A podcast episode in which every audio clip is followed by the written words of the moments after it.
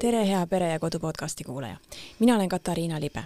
täna me räägime peredest, kes ei ole Eesti päritolu. sellest, kuidas nemad siin kohanevad, mis on nende peamised mured ja kuidas meie saame neid selle juures aidata. ja selleks on külla tulnud Tallinna Sotsiaal- ja Tervishoiuameti uussisserändajate kohanemise toetamise osakonna juhataja Kaisa Üprustali. tere, Kaisa! tere! no sul on ikka väga pikk ametinimetus on jah, aga vähemasti ütleb täpselt, mida ma teen. milles see töö siis seisneb, ma saan aru, et sa aitad uussisserändajatel siin kohaneda, milles see seisneb? jah, eesmärk on tõesti see, et meie juurde jõuaksid inimesed võimalikult varajases Eestisse saabumise järgus, küll on niimoodi, et kui inimesel ei ole ühtegi äh, ütleme veel staatust, ehk näiteks rahvusvahelise kaitse saaja alles taotleb endale kaitset ja ta ei ole veel ütleme siis seda saanud, siis me saame aidata võib-olla natuke vähem, küll aga nagu nõustamise küsimusi ei ole kunagi, et see ei ole teema. aga kes on saanud kaitse ja kellel on, ütleme siis juriidiline staatus või alus Eestis viibimiseks, siis äh, vastavalt inimesele saame aidata kas ka esiteks juhendada, eks ju ähm,, äh, erinevaid äh, asutusi, mida inimene peab siis külastama, mis ta peab tegema, et oma esmased äh, ma ei tea, tegevused tehtud saaks, ma näiteks äh, pangakonto avama ja nii edasi, kuni siis sinnamaani välja, et me saame määrata toimetulekutoetust ja aidata ka selle siis, mis kaitsesaajatele on ette nähtud, see üürisuhte alustamise toetuse taotlemisel ja ka seda maksame meie välja. millal see osakond loodi? see osakond loodi täiesti täpselt kahekümne kaheksandal märtsil kaks tuhat kakskümmend kaks. ehk siis seoses Ukraina sõjaga? just nimelt nii et ma saan aru, et teie peamised kliendid on siis ukrainlased, täna nii on äh,, küll aga see nii jääda ei saa ega peagi nii jääma, ehk et eesmärk on ikkagi tuua enda juurde kõik erinevad rahvusgrupid, kes siis Eestis on sellises uussisserändaja staatuses ja et nad saaksid ja et neil oleks üks koht, kus nad teavad, et nad saavad adekvaatset infot. ja me kindlasti loodame olla ka oma partneritele teistest kohalikest omavalitsustest ja linnaasutustest äh, selliseks äh, heaks koostöö seltskonnaks. Äh, kui palju on praegu ukrainlasi Eestis? no käesoleva sõjaga on nüüd see suurusjärk umbes kuuskümmend tuhat ja minule teadaolevalt on Eestisse saabunud üle saja tuhande inimese, aga neist siis äh, selline hulk on transiidina läinud ka Eestist läbi, eks ju, et siia on jäänud siis suurusjärgus kuuskümmend tuhat inimest ja nemad on üle Eesti küll ilmselt paljud Tallinnas mis rahvustes veel on meil siin uussisserändajaid? Eestis äh, elab ligemale saja erineva rahvuse esindajaid jah, et äh, selles mõttes, kui me räägime rahvusvahelise kaitse saajatest, siis äh, on kindlasti, eks ju, süürlased, kõik me mäletame eelmist sellist Euroopa rändekriisi äh,, Lähis-Idast veel muudestki rahvustest inimesi, samamoodi on ka Venemaalt saabunud inimesi saanud kaitset ilmselgelt Ähm, eelmistest Nõukogude Liidu riikidest ja nii edasi, nii edasi, nii et äh, üsna keeruline on siis kõik üles loetleda, sest nende äh, uussisserändajate hulka käivad ju ka noh, ma ei tea, äh, arendajad näiteks, kes tulevad Eestisse tööle ja ja, ja loovad vähemasti mingiks ajaks oma elu siin, on ju, nemad võivad olla mis iganes rahvusest. aga nad kõik siiski on uussisserändajad, jah mm. -hmm. aga ütleme, et kui inimene tuleb ikkagi siia töö pärast ta juba teab, mis teda siin ootab, teda ootab siin töö, siis ta tihti vist teie abi ei vaja või? no eks see süsteem igas riigis ju ikkagi toimib ja minu pärast kas või lastekaitsesüsteem, eks ju mm -hmm., et äh, ole sa mis staatuses tahes äh,, lastekaitse kehtib kõigile. aga jah, selle, see on äh,, see on tõsi, et need, kes on ikkagi tulnud ja taotlenud rahvusvahelist kaitset, kas on siis äh, pagulase staatuses või täiendava kaitse või siis ukrainlaste puhul ajutise kaitse äh, saajate staatus, nende olukord on teine ja nende ütleme siis niisugune emotsionaalne olukord on ka ikkagi hoopis teine, ehk et ühel, ühel puhul ma teen ise valiku, et ma lähen elan näiteks kolm aastat äh, Portugalis ja teisel puhul ma lihtsalt äh, jooksen kabuhirmus kodust minema, sest ma ei saa seal olla. kuidas elavad äh, täna sõja käigus siia pagenud ukrainlased? no jälle, eks inimesed on ju kõik, ähm, tulevad ju oma Äh, ütleme siis oma taustaga, jah. ehk äh, tul-, tulevad need, kes äh, igaks juhuks juba tulid ära, sest nad ei taha näha seda, mis seal toimub, on ka need inimesed, kes tule, tulevad täiesti sõjakuldest ja on näinud, kuidas nende lähedased tapetakse ära, on näinud, kuidas nende kodud pommitatakse puruks, ehk et ja siis on veel küsimus ka selles niisuguses psühholoogilises võimes kohaneda, eks ju, et inimestele mõjuvad traumeerivalt erinevad olukorrad. Ja võimekus, ütleme, taastuda on ka erinev, tulevad inimesed, kes ütlevad, et ma tahan kohe midagi tegema hakata, sest see aitab neil, eks ju, kohaneda. Ja siis on inimesed, kes on juba mitu kuud olnud üsna äh, sellised äh, noh, kuidas ma ütlen, apaatsed, sest nad ei jaksa ja nad vajavad selgesti abi juurde. kui palju teie osakonnal üldse on võimekus pakkuda neile, ma ei tea, psühholoogilist abi näiteks? meil on küll võima-, võimekus pakkuda jah, sest meil on ka tööl kaks psühholoogi. Äh, üks nendest on meil kohapeal ja teine töötab veebis, sest ukrainlaste puhul me oleme ka näinud seda, et veebinõustamisi võetakse päris hästi vastu. Ja täna ei ole see olukord selline, et see, et kõik ajad oleks täis ja ei ole üleüldse üle pea võimalik löögile pääseda ja tegelikult äh, selline vaimse tervise kogukond Eestis on ka hästi palju äh, seal kõrvaltoeks, et nii ei ole, et on ainult meie psühholoogid ja rohkem ei ole kedagi.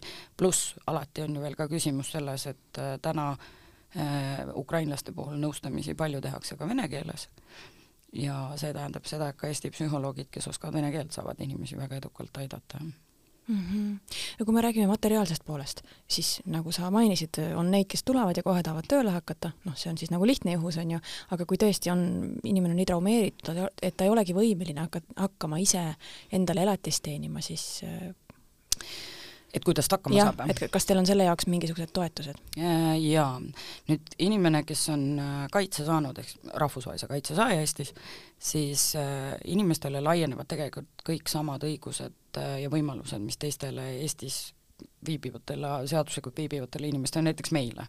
ehk et kui mul on äh, ikkagi rahaliselt raske olukord, siis siin tuleb appi toimetulekutoetus, jah, loomulikult ei ole tegemist päriselt sellise toetusega, mille peal oleks väga mugav elada äh, kogu üle, oma ülejäänud elu, aga, aga ta siiski aitab maksta üüri, ta aitab maksta vee ja elektri ja prügiveo eest, pluss siis äh, on ka olemas selline asi nagu toimetuleku äh, siis piir. Ja see toimetuleku piir on see raha, mis peab inimesele kätte jääma Äh, peale kõikide selliste eluks vajalike mm, maksude tasumist või noh, üüri ja sellised maksud. nii et äh, sellega saab ja loomulikult ka peretoetused, eks, et kui inimesel on lapsed, siis tegelikult laine, laieneb see samamoodi. Ähm, et ütleme niimoodi, et äh, abi ikka saab, jah mm. -hmm. aga selleks, et kohaneda kusagil, ei ole ju vaja ainult töökohta ja raha, seal on väga palju muid tegureid, mis need tegurid on siis? jaa, noh, raha on see, mis aitab meil, eks ju, midagi ära süüa ja ära maksta ja, ja loomulikult, kui sul ei, kui sul ei ole katust pea kohal, siis sul kõik, kõik nagu muud tegevused muutuvad tegelikult tühiseks, sest sa ei ole võimeline üldse keskenduma ju sellele, et et, et ma ei tea, läheks mingile kultuuriüritusele või tegeleks kohanemisega, sest siis sa muretsed lihtsalt selle pärast, et kuidas su, ma ei tea, lapsel saapad jalga saavad. Aga kui me räägime kohanemist, kohanemine on ikkagi selline terviklik äh, protsess, eks ju, et äh, see, et ma käin tööl, ka see, et ma ütleme siis õpin kuskil keelekursusel ära mingisugusel määral eesti keele, ja need tegevused üksikult ei aita ja siin on jälle küsimus nüüd siis antud juhul meie riigil, eks. et kui palju me oleme valmis kaasama inimesi oma igapäevategemistesse, kui palju me suudame ma ei tea, lapsi koolides, lasteasutustes, eks ju, kutsuda mingitesse trennidesse, et nad räägiksid teiste eh, oma, omavanuste noortega, eks, eh, kas vanematel eh, on kellegagi rääkida, kas see, kas see info, mis meil siin liigub, näiteks meie uudistes ja meie meedias, kas see info jõuab nendeni, eks. sest ikkagi on see niimoodi, et kui inimene ei saa aru ja ta lükatakse kõrvale, siis ta tegelikult otsib seda kohta, kus teda omaks võetakse ja see, mida ta mõistab. ja kui ta mõistab midagi muud ja seal, ütleme, inimene avasüli vastu võetakse, siis see on kehva pinnas mm, olenemata rahvusest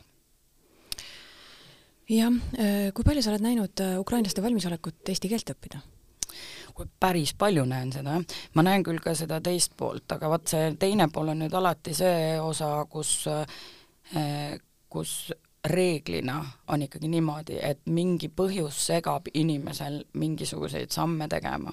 näiteks on inimene tulnud oma kodust ära ja ta tegelikult üldse ei tahtnud sealt ära tulla ja ta on hästi kramplikult oma sellises mullis ja ta ütleb, et ma tahan ainult koju minna ja ma tegelikult ei, noh, ta ei taha olla kuskil, küsimus ei ole selles, et see on Eesti või mõni teine riik. Ja see on see, kus inimesega on vaja töötada ja leida üles see, see motivatsioon või see abi, mis, mis talle sobib, sest kõigile kõik ei sobi ka. aga üldiselt äh, on see huvi eesti keele õppimise vastu, see, mida meie näeme iga päev oma majas, on ikka päris suur Äh, samamoodi ka need kohanemisprogrammid, meie oma töötaja, meil on siis üks äh, ukrainlanna, kes meil kohapeal on, tema õpib ka samamoodi eesti keelt ja väga usinasti praktiseerib seda meiega. samamoodi on meil teine töötaja ukrainlanna, kes samamoodi harjutab, nii et et sellist, sellist asja kindlasti ei saa öelda, et, et ei olda huvitatud või ei taheta. pigem äh, noh, teate küll, kuidas see keeleõppega käib, et kui ma niisama õpin kuskil ja mul kuskil kellegagi seda harjutada mm -hmm. ei ole, siis ma seda keelt selgeks ei õpi ka jälle olenemata keelest, noh mm. -hmm. aga kas neil on selleks mingi võimalus ka õppida eesti keelt? jaa, jaa.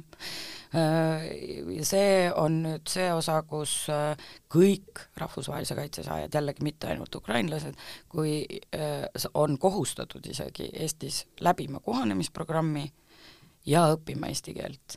nii et see tegelikult käib äh, selle staatusega kaasas, et sul tege-, päriselt ei ole seda valikut, et, et noh, et ma tulen, saan kaitse ja siis ma tiksun siin omaette, vaid see on nagu suisa seadusest tulenev kohustus. Ja need võimalused on ka olemas. Ja nüüd seoses Ukraina sõjaga on need võimalused ka loomulikult oluliselt avardunud. Et teenusepakkujaid on rohkem, keeleõpetajaid on rohkem, tunnid toimuvad veebis, tunnid toimuvad äh, kontaktsetena, nii et igate moodi saab, jah mm. -hmm. enne siis äh, oli juttu sellest, et äh, see kohanemine on nagu kaksipidine protsess, on ju, et inimene, kes siia saabub, peab olema selleks valmis ja sellest huvitatud, aga selleks on vaja ka kohalikku kogukonda, kes nagu ulataks oma käe teiselt poolt. et milliseid probleeme sa selle teise poole juures näed? selle meie poole juures või? Ehm,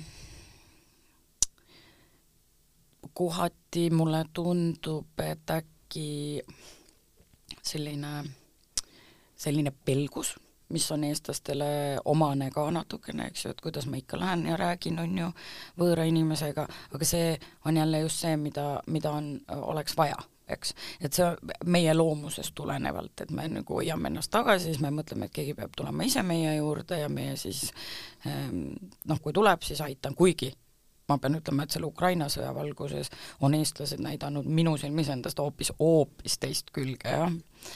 Ehm, ja, ja teine asi võib-olla ka see võõrakartus, et kui me ju praegu, ühest küljest me räägime siin ukrainlastest, on ju, ehm, kus ka seda natukene on näha, seda võõrakartust, aga siis on veel terve suur hulk teiste rahvuste esindajaid, kellega käivad kaasas sellised müüdid ja stereotüübid, mis siis pigem äh, nagu lükkavad eemale ja ma pigem siis, ma ei tea, panen silmad kinni ja teen näo, et inimesi ei ole ja samal ajal inimesed tegelikult äh, suhelda tahavad ja küsida tahavad ja tahavad olla omaks võetud, nii nagu kõik absoluutselt on.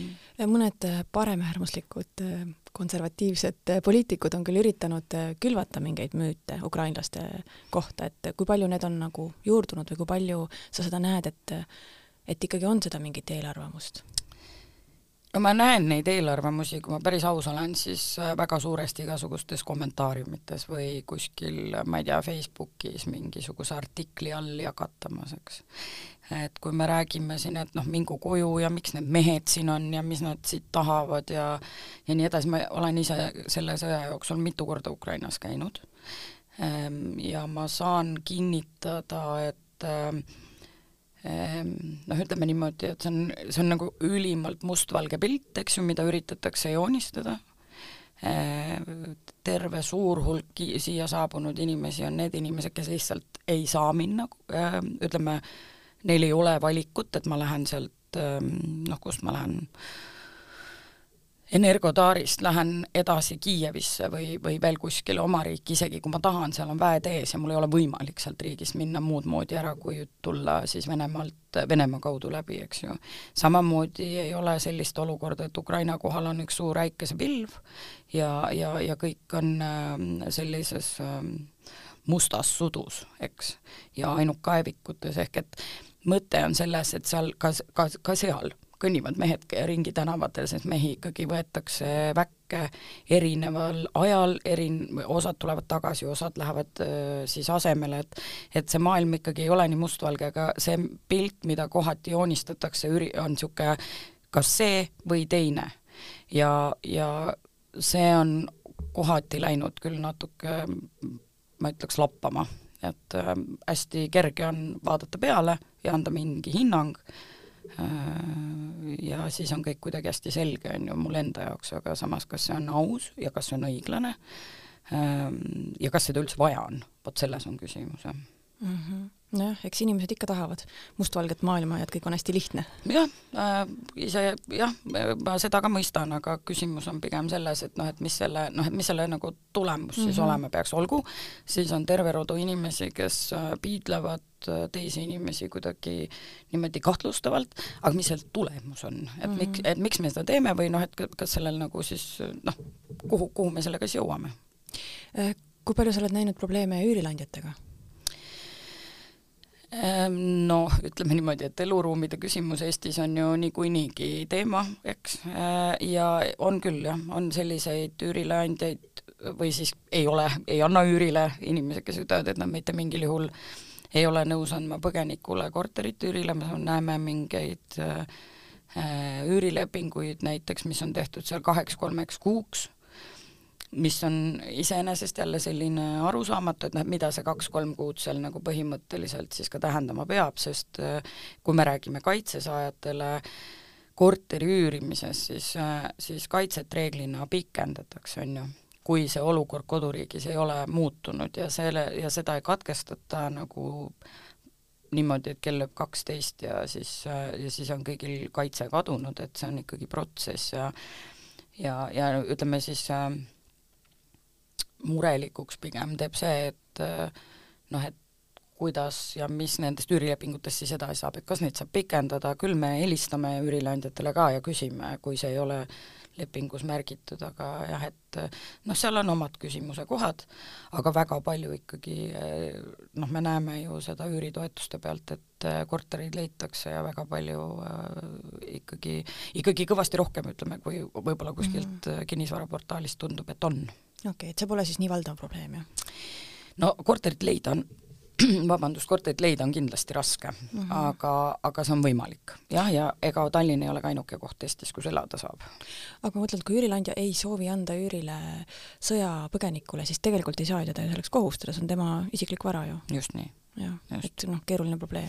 aga vahest on veel olukord ka selles, et et ega üürileandja on ju lihtsalt inimene, kellel on korter mm. -hmm. tema ei tea ega peagi teadma kõiki noh, süsteeme ja millised võimalused on, ehk vahest on ka see olnud tulemuslik, et sa räägid inimesega, äh, ta saab küsida su käest kõik äh, ära, mis teda huvitab ja, ja ma ei tea, mis siis saab, kui, ja kui see noh, vestlus on selles mõttes tulemuslik, et et üürileandja saab enda jaoks need olulised vastused, siis on ka edasine üürimine võimalik, jah.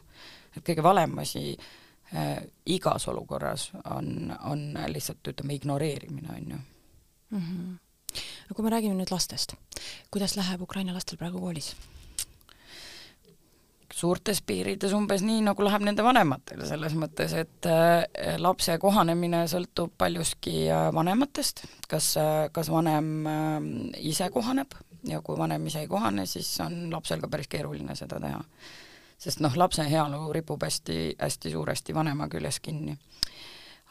ja jällegi, on olnud erinevaid olukordi, on olnud kuulda ka kiusamisjuhtumeid, eh, aga suurtes piirides eh, lapsed ikkagi käivad niisuguse nagu la-, lapsed on lapsed, noh, lapsed käivad silm särab ringi ja nad kohanevad ja kuidagi äh, taastuvad selles mõttes oluliselt kiiremini kui täiskasvanud inimene.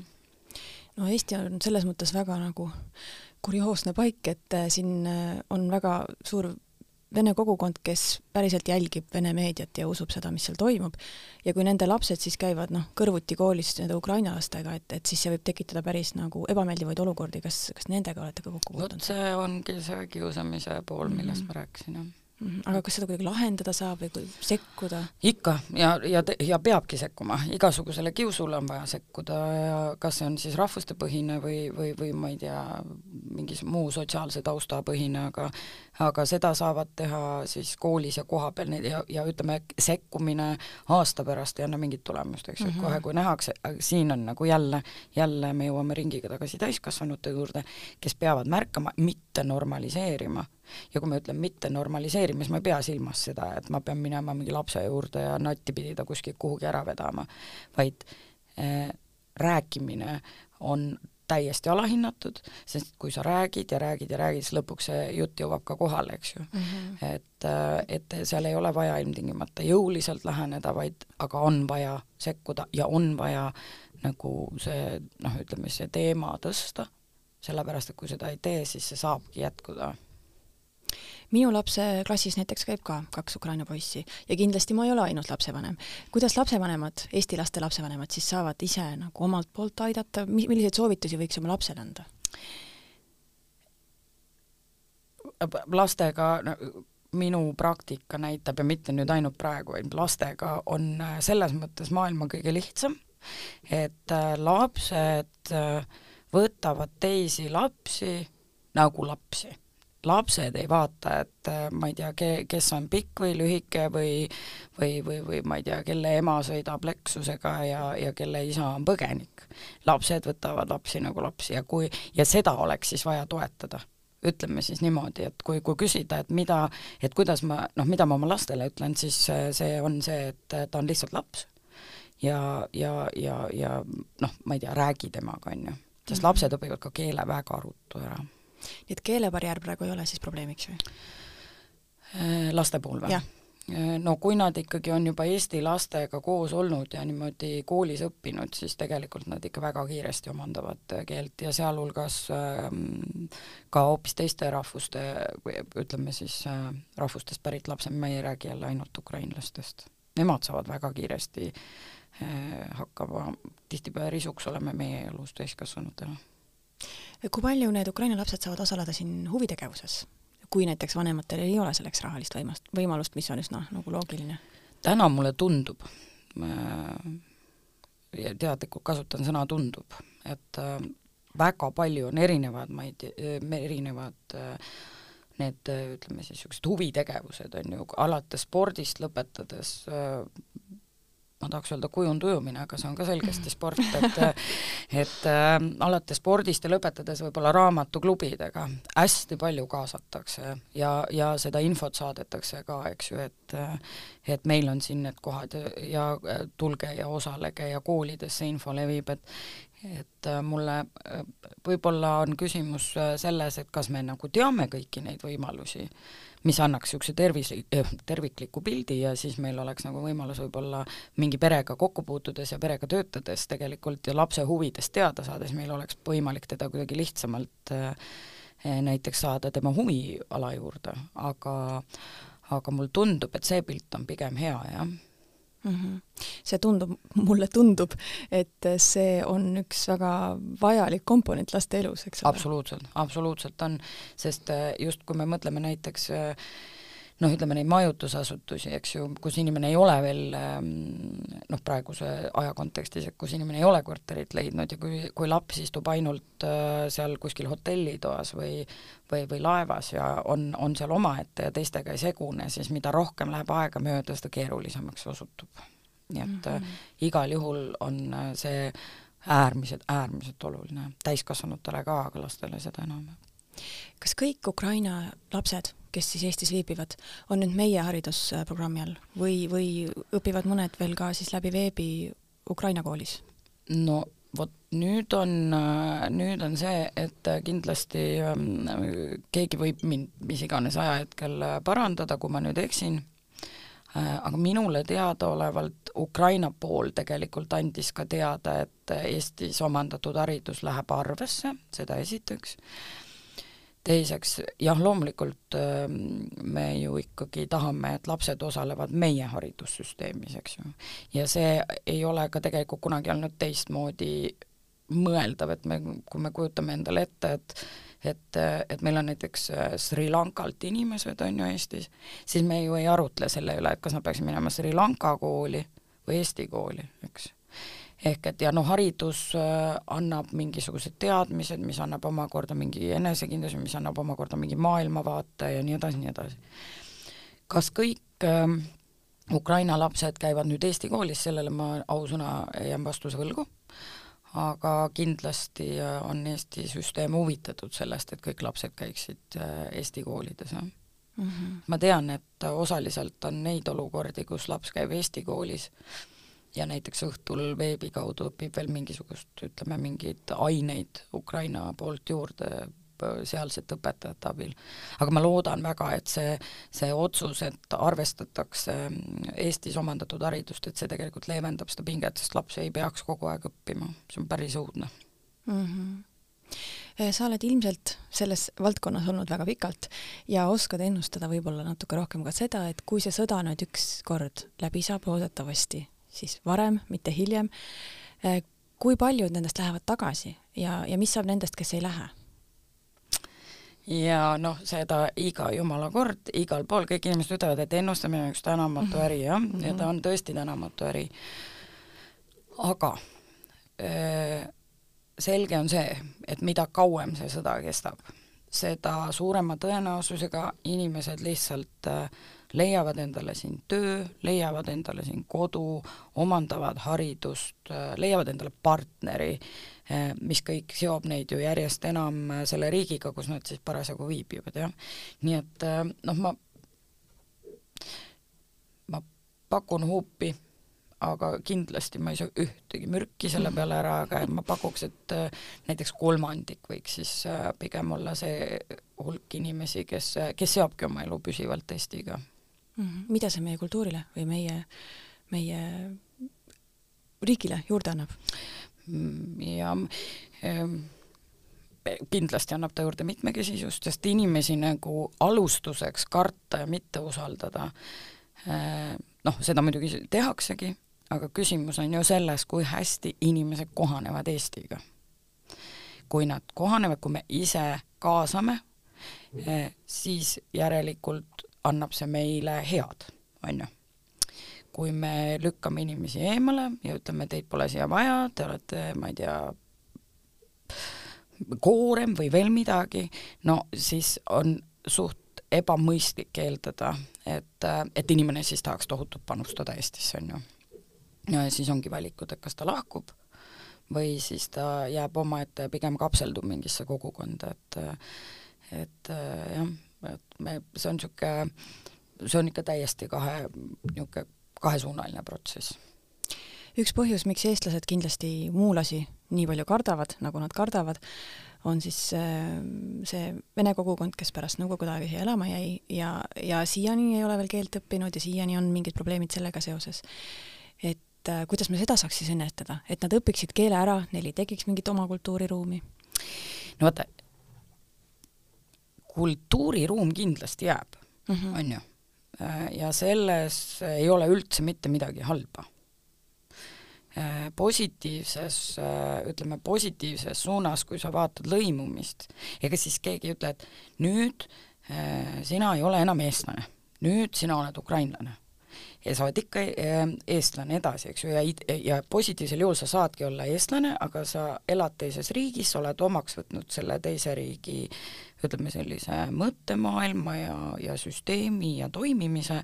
Ja siis on see, ja siis on see tulemus hea, nüüd kuskohast jäi ripakile mm, see, ütleme siis see mi-, mida sa just tõid näiteks, eks ju, et on terve hulk inimesi, kes elavad teises inforuumis, kust maalt see ripakile jäi, ma arvan, ma ei ole siin nagu kõi-, maailma kõige pädevam inimene seda analüüsima.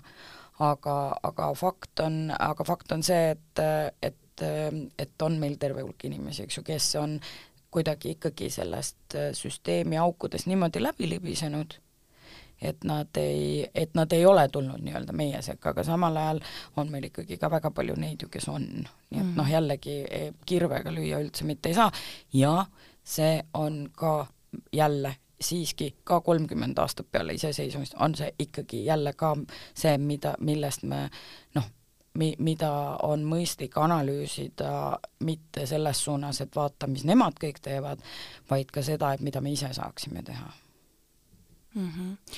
no teine põhjus, miks kardetakse muulasi, on ilmselt äh, meediakajastused äh, terroriaktidest ja, ja, ja moslemiusulistest ja et, et see, see on ilmselt väga suure jälje jätnud jaa, ma olen erinevatel aegadel mõelnud erinevaid mõtteid, eks, et eks meil on selline ajalugu, mis me, mis paneb meid pelgama mingisugust noh, selles mõttes, et, et tuleb keegi, keda on palju ja siis kes sõidab meist jälle üle ja ja eks see niisugune ajalooline trauma meil kuskil kuklas niimoodi kollektiivselt tiksub ehm,. Samal ajal ehm, mina täna ja juba mõnda aega mina ei näe sellist Eestit, kes oleks nii väetike, et nüüd tuleb keegi eh, ja, ja sõidab minust otsekohe üle ja siis pole Eestit enam olemaski. või, või vähemasti ütleme niimoodi, et mina olen oma eestluses küll nii veendunud, jah eh, et, et ma pigem eh, saan aidata selle, seda ringi täita, kus ja anda endast nii palju, kui ma saan, selleks, et, et inimesed oleksid ikkagi meie meelt. nüüd mis puudutab moslemeid, siis äh, moslemid ja äärmuslust ei tasuks nagu liiga segi ajada omavahel, jah.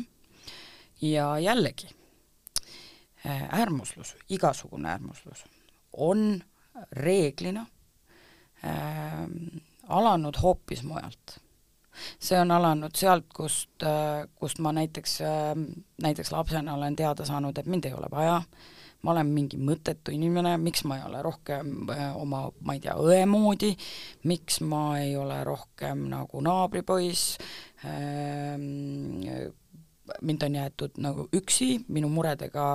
Ja ma ei räägi nüüd ainult vanematest, ma räägin ka süsteemist, eks ju, et et kui on kodus on, ma ei tea, vanemad vägivaldsed suhted, palju alkoholi, sellega ka ei ole kuidagi tegelikult, siis ma hakkan otsima seda kohta, kus ma olen väärtuslik ja kus ma olen vajalik. ega siis ole sa või moslem, me ikkagi tahame kõik olla nagu väärtuslikud inimesed ja kui see siis ühel hetkel kukub domineerima minu elus mingil põhjusel, ütleme siis äärmuslus või või, või, või organiseeritud kuritegevus või, või, või veel midagi, siis need, see on, see on muideks suhteliselt juhuslik, eks ju, et kuhu ma siis satun, aga seal, kus ma tunnen ennast vajaliku ja olulisena, seal, seal äh, siis ähm, võivad juhtuda nagu märkimisväärselt halvad asjad mm. -hmm. nii et armastame ja hoiame oma lapsi. ja märk märkame. kui kuskil midagi jah, märkame jamasid, täpselt. et see on see, kuidas me saame ennetada kuritegevust ja äärmus. pikas perspektiivis küll, jah. aga kui me ikkagi räägime Eesti moslemi kogukonnast, eh, kui suur see on ja ma saan aru, et otseselt sinu kliendid nad praegu ei ole, aga aga kui suur see on ja, ja kui palju nende ümber ikkagi on sellist mingit eelarvamust ja? no Eesti moslemi kogukond esiteks on ju väike, on ju tänava, tänavapildis me näe, aga samas me saame seda ka oluliselt laiendada, Eestis on väga kaua aastaid elanud meiega koos tatarlased, kes on ka ju moslemid, eks. et äh, jälle, kõik siin maailmas on äh, suhteline, sealhulgas ka Eesti mos-, Eesti moslemi kogukonna suurus. ja moslemid, äh, ka eestlased konverteeruvad islamisse, eks ju, et et kellest me siis räägime, ühesõnaga see pika jutu lühike mõte on see, et ega see kogukond suur ei ole, ja need inimesed, kes on, ütleme, tulnud Eestisse siis erinevatest Lähis-Ida riikidest, ja on näiteks saanud kaitset, siis ütleme, selliste kaitse taotlemisel või elamislubade taotlemisel ikkagi inimeste taustad igas riigis tegelikult ikkagi kontrollitakse üle, nii et et tõenäosus äh, et meile juurde on sattunud, lihtsalt see on nüüd see küsimus, mis sa ütlesid, et nagu ikkagi on eelarvamused, et suure tõenäosusega ikkagi halbade kavatsustega inimesi siin ei ole, et pigem, eh, pigem eh, sellised asjad juhtuvad nagu hoopis teise, teise dünaamikaga, et see, et ma näen tänaval moslemit, siis see näitab ainult ühte asja. inimene on moslem ja las ta olla, selle, see ongi vaba maa üks boonus, et ma saan olla moslem, kui ma tahan olla moslem, ma saan, ma ei tea, ma saan pükse kanda ja oma arvamust avaldada veebis, ehk et nagu see ongi demokraatia, eks ju. ja aga, aga, aga kui küsimus oli vist see, et kui palju nende ümber on eelarvamusi, siis äh, ikka on jah. ja ilmselgelt ka palju rohkem kui ukrainlaste ümber näiteks, sellepärast et äh, kultuur on teine, kombed on teised, keel on arusaamatu, toit on teistsugune ja nii edasi, nii et selles mõttes äh, mida suurem on erinevus, seda rohkem on eelarvamusi, ma pakuks huupi niimoodi mm. -hmm. no kui me vaatame inforuumi ka, siis me tegelikult ju moslemitest kuuleme siis, kui midagi hirmsat on jälle toimunud, aga sellest, mis toredat on nende kogukondades toimunud, sellest me väga ei kuule. vaat mida me kuuleme, eh, on äärmuslastest ja äärmuslusel on religiooniga eh, noh, saab olla seos, eks ju, aga see seos on siis pigem niisugune kontrolli eh, kehtestamine ja hoidmine, eks ju.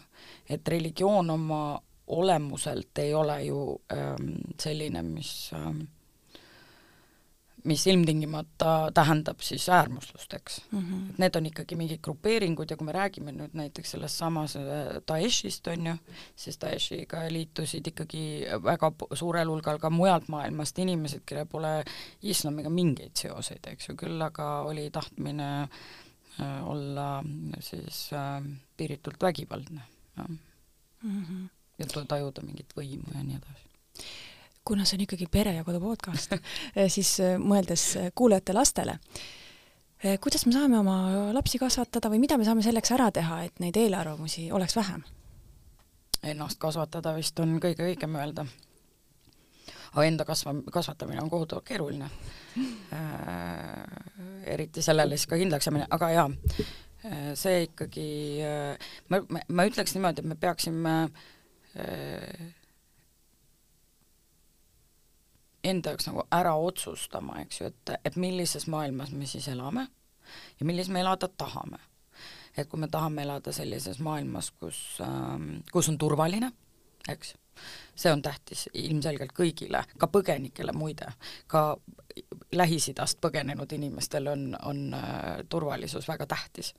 ehk et kui me tahame elada turvalises maailmas, siis me peame eh, sallima, jah.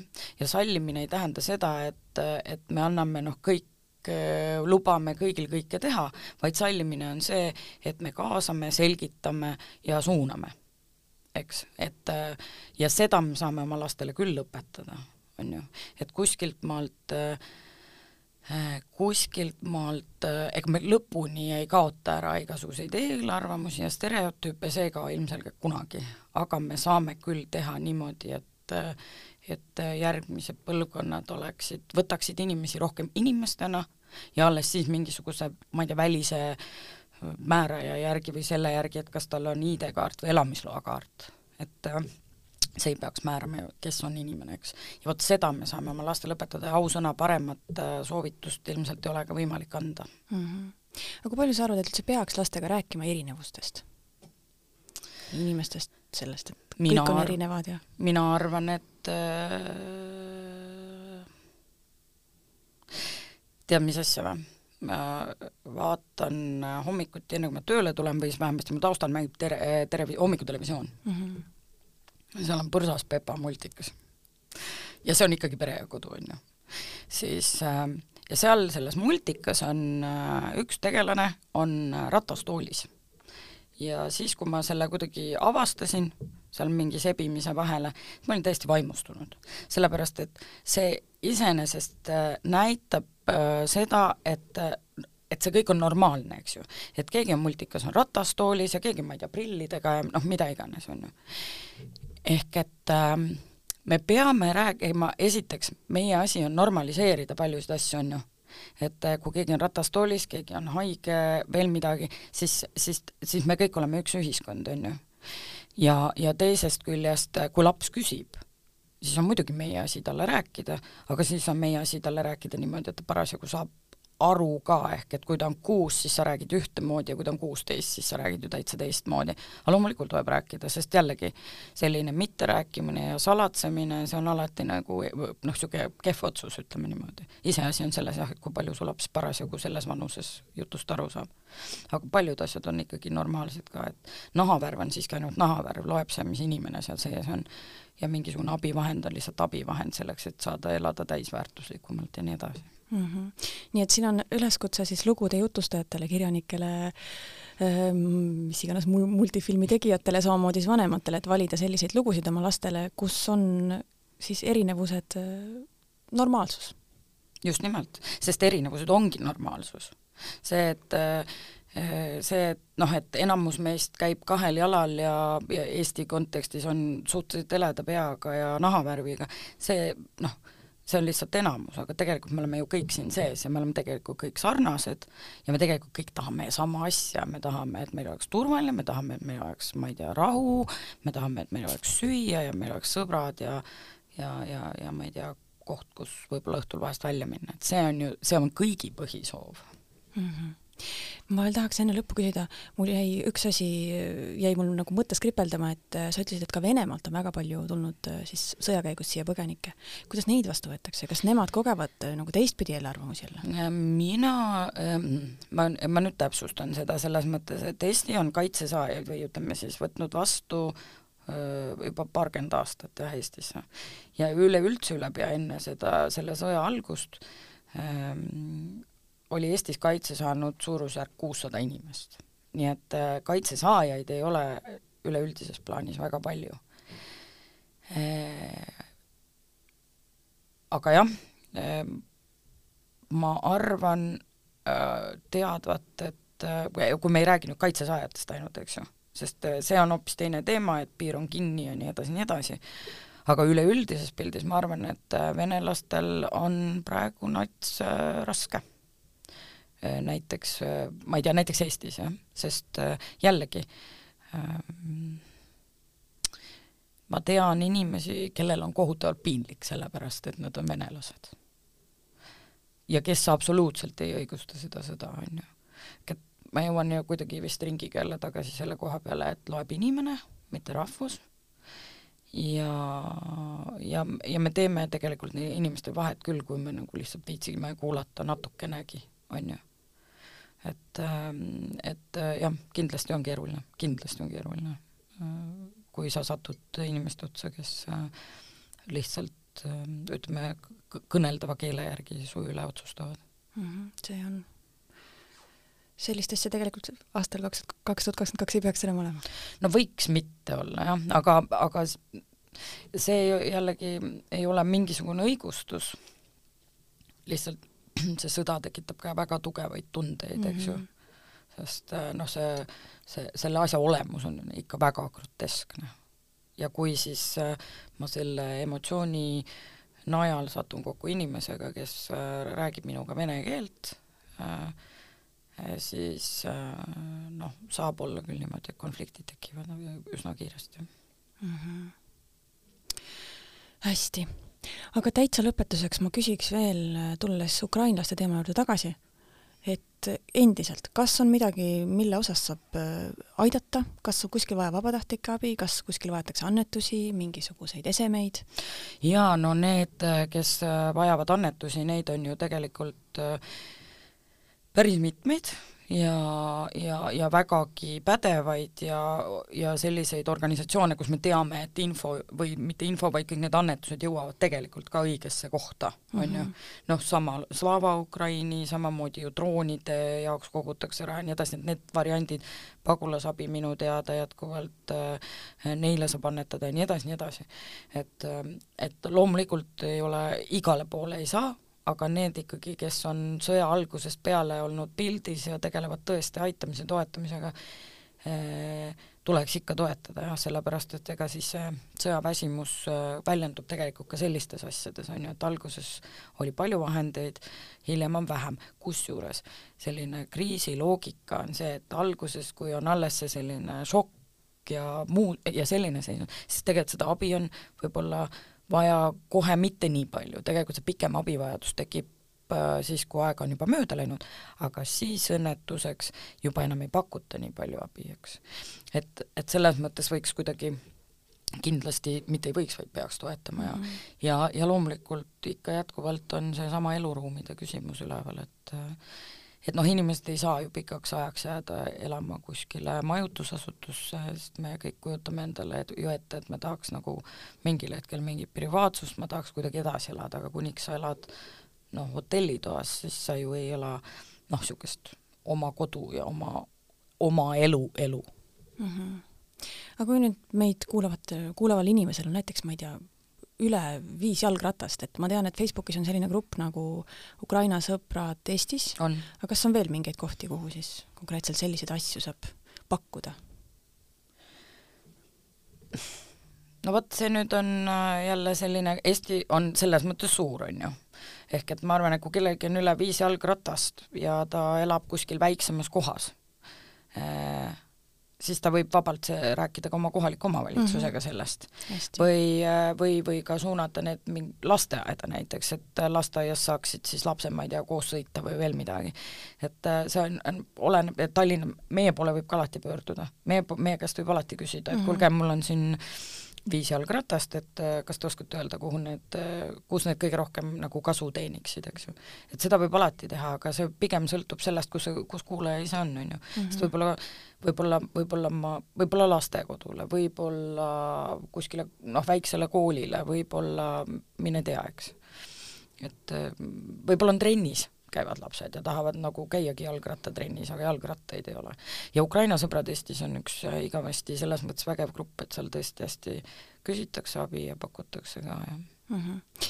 nii et väike meeldetuletus, et kuigi sõjaväsimus on peal, siis, siis abi vajatakse ikka jah, ikka vajatakse jah, kus see kaob mm. -hmm. aitäh, Kaisa! aitäh! aitäh, armas kuulaja, et sa meid ära kuulasid, loodan, et oli sinugi jaoks huvitav ja mõtlemapanev vestlus. ja järgmine saade on meil üleval nädala pärast